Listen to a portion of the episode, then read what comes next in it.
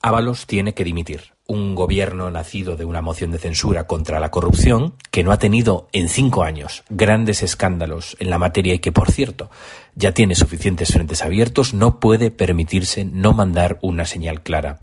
Si reivindica que no es como los demás, no puede comportarse como los demás.